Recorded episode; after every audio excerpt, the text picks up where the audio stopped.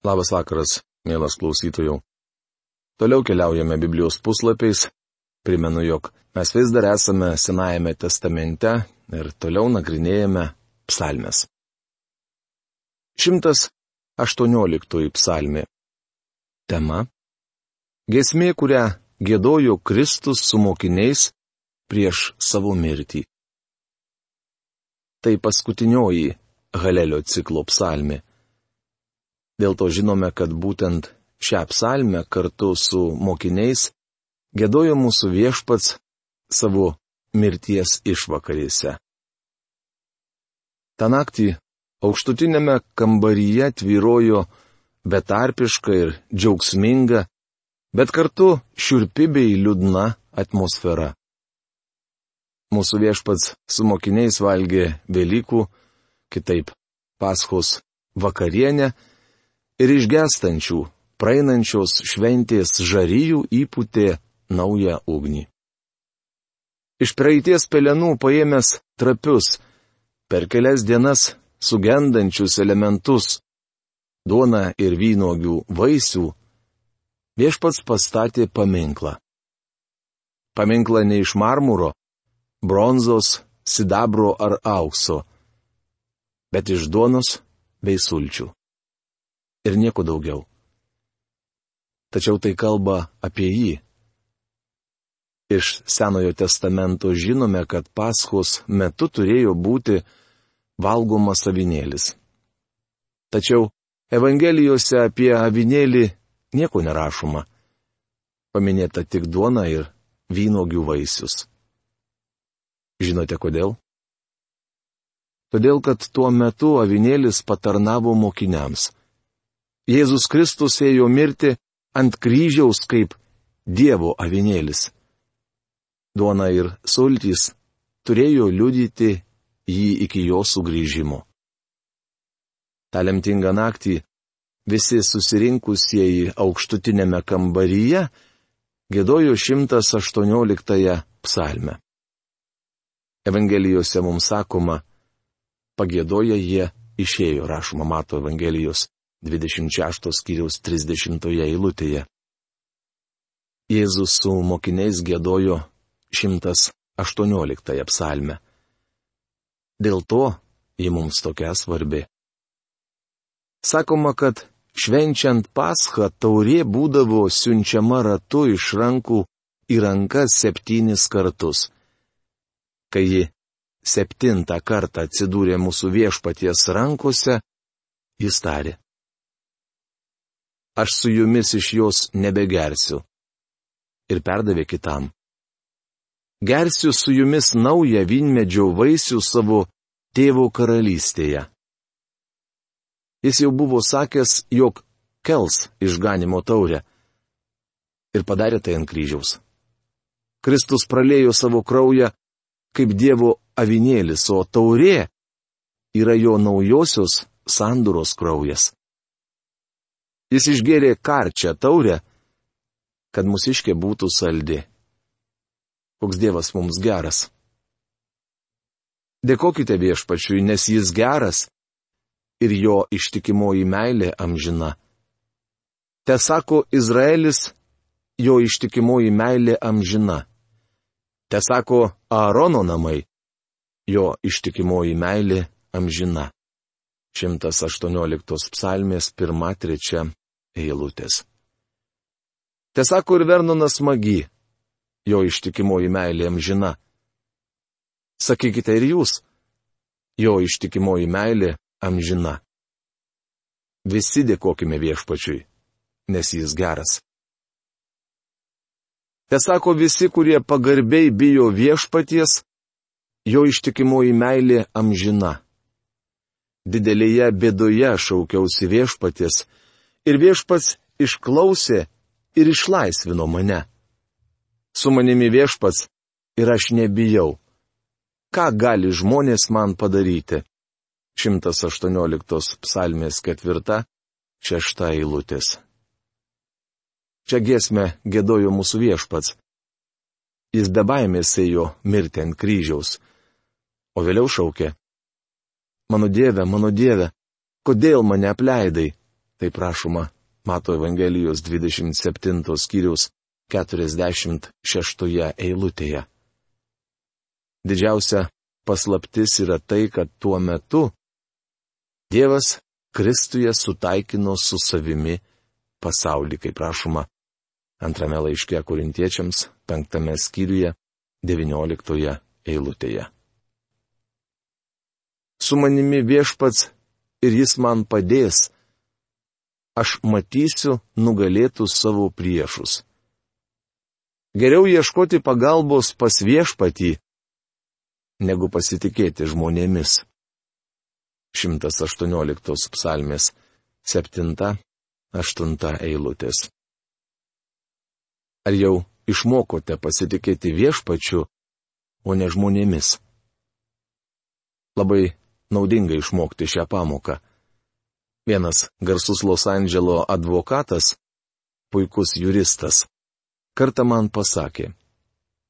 Kai buvau jaunas krikščionis, mano krikščioniškas gyvenimas vos nesubirėjo į šipulius. Mano akys buvo įbestos į žmogų, kuris vėliau mane nuvylė. Tuomet supratau, kad klydau. Negaliu pasitikėti žmonėmis. Psalmininkas sako, jo geriau pasikliauti viešpačiu negu žmonėmis. Gėdodamas šiuos žodžius mūsų viešpats matė prieš save vienuolika vyrų. Vienas iš jų jau buvo pasišalinęs, kad jį išduotų. Visi vienuolika vėliau paliko viešpati Jėzų. Išbėgiojo tarsi avys. Bičiuli, nepasikliaukite žmonėmis. Jie jūs nuvils. Pasitikėkite viešpačiu. Geriau ieškoti užuovėjos pas viešpatį, negu pasitikėti didžiūnais. Visos tautos apgulė mane, bet viešpaties vardu nuo jų apsigyniau. Jos apgulė mane, apsupdamos iš visų pusių, bet viešpaties vardu nuo jų apsigyniau. Jos apspito mane lyg bitės, suliepsnojo lyg ugnis ir škėtynė bet viešpaties vardu nuo jų apsigyniau. 118 psalmis 9-12 eilutės. Visos tautos apgulė mane. Romėnai buvo poliglotų tauta. Jie ir prikalė mūsų viešpati prie kryžiaus. Tadien, kai Jėzus numirė ant romėnų kryžiaus, jų tauta užsitraukė savo pasmerkimą. Romos dienos buvo suskaičiuotos. Didžioji pasaulio imperija, egzistavusi visą tūkstantmetį, netrukus nulipo nuo žmonijos istorijos piedė stalo. Mano jėga ir drąsa yra viešpats. Jis mane išgelbėjo. 118 psalmės 14 eilutė. Šioje nuostabioje dalyje Dievas šlovinamas už išgelbėjimą. Tai išgelbėjimo giesmė. Teisiųjų palapinės aidi džiugia pergalės giesme. Viešpaties dešinė davė mums pergalę. Išaukštinta viešpaties dešinė. Viešpaties dešinė davė mums pergalę. Nemirsiu, bet gyvensiu ir skelbsiu viešpaties darbus. 118 psalmės 15-17 eilutės. Čia kalbama apie mūsų viešpaties prisikėlimą. Bet to matome, kad Izraelis kaip tauta išliks. Nors viešpats iš tikrųjų mane plakė, bet mirčiai manęs netidavė. 118 psalmės 18 eilutė. Tai yra, Kristus prisikėlė iš numirusių. Be to 37 Ezechielio knygos skyriuje aiškiai sakoma, kad Dievas atvers kapus ir prikels pasaulio tautas. Atverkite man teisumo vartus, kad pro juos įėjęs padėkočiau viešpačiui. Štai vartai pas viešpatį. Teisėjai pro juos įeis. 118 psalmės 19-20 eilutės. Kas yra vartai pas viešpatį? Kristus labai aiškiai sakė. Aš esu vartai. Jei kas eis per mane bus išgelbėtas. Jis įeis ir išeis ir ganykla sauras. Rašoma Jono Evangelijos 10 skyriaus 9 eilutėje. Kristus vartai į avių gardą. Viešpats taip pat sakė, aš esu kelias tiesa ir gyvenimas. Niekas nenueina pas tėvą kitaip, kaip tik per mane. Ta pati Jono Evangelija 14 skyrius 6 eilutė. Dėkoju tau, kad mane išklausai. Ir tapai mano išgelbėjimu. 118 psalmės 21 eilutė. Toliau psalmininkas pavartoja dar vieną metaforą. Akmuo, kurį statytojai atmetė, tapo kertiniu akmeniu. 118 psalmės 22 eilutė. Akmuo šioje eilutėje apibūdina Kristų. Mūsų viešpats labai aiškiai sakė, Ar niekada nesate skaitę raštuose, akmuo, kurį statytojai atmetė, tapo kertiniu akmeniu. Tai viešpaties padaryta ir mūsų akims tai nuostaba kelia. Rašoma Mato Evangelijos 21 skyriaus 42 eilutėje. Pirmo Petro laiško antros skyriaus 6-8 eilutėse skaitome. Todėl rašte pasakyta, štai dedu sione kertinį akmenį, brangų rinktinį akmenį, kas tik jį tiki, nebus sugėdintas. Tad jums tikintiesiems atiteks šlovė, o netikintiesiems tasai statytojų atmestasis akmuo tapo kertiniu akmeniu, suklupimo akmeniu ir papiktinimo uola. Jie suklumpa neklausydami žodžio, tam jie ir skirti. Akmuo yra viešpats Jėzus Kristus. Ši diena viešpaties duota, tad linksminkimės ir džiūgaukime. 118 psalmės 24 eilutė. Apie kokią dieną kalba psalmininkas? Ar apie 24 valandų laikotarpį? Ne. Žodis diena gali būti vartojamas apibūdinant ypatingą reiškinį. Pavyzdžiui, galima sakyti, kad šiandien yra automobilių diena.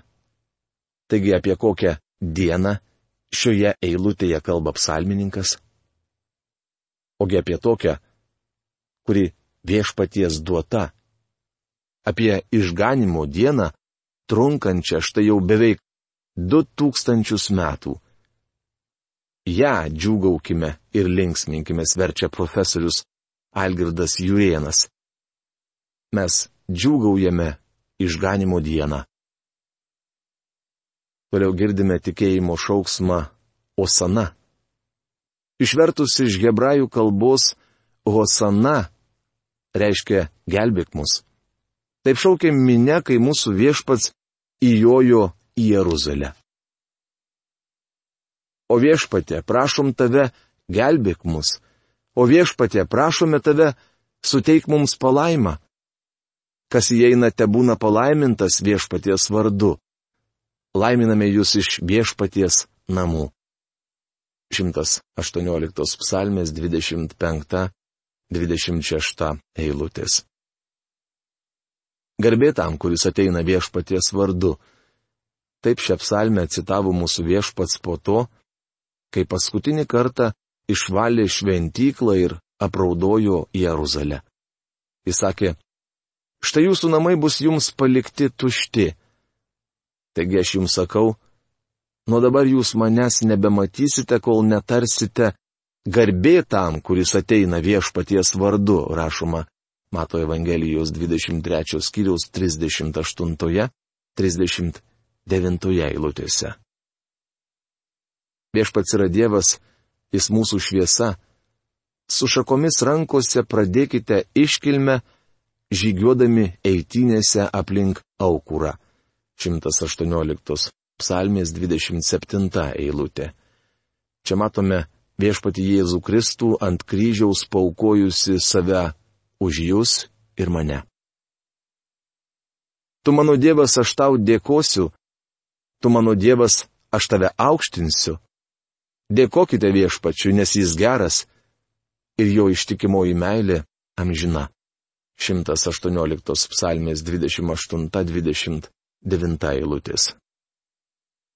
Bičiuli, norėčiau kaip nors įdėkti jums, jog mes su jumis turėtume šlovinti viešpatį. Šiame kūne aš esu sukaustytas, uždaras ir kompleksuotas. Norėčiau išsiskleisti į gėlę ir išreikšti padėką bei gyrių savo Dievui. Ak bičiuli, kaip nuostabu suklupti prieš jį ir pagarbinti jį. Nėra nieko svarbiau, kaip šlovinti jį ir girti jo vardą. Kristus pamilo mus ir atidavė už mus save. Tad ir mes rodykime jam savo meilę bei prisirišimą. 119 psalmė tema - šlovė Dievo žodžiui. Priejome ilgiausią psalmynų ir visos Biblijos skyrių. Šią psalmę sudaro 176 eilutės ir visose juose išskyrus tik dvi. Šlovinamas Dievo žodis. Labai trokštų, kad mes su jumis išmoktume vertinti Dievo žodį.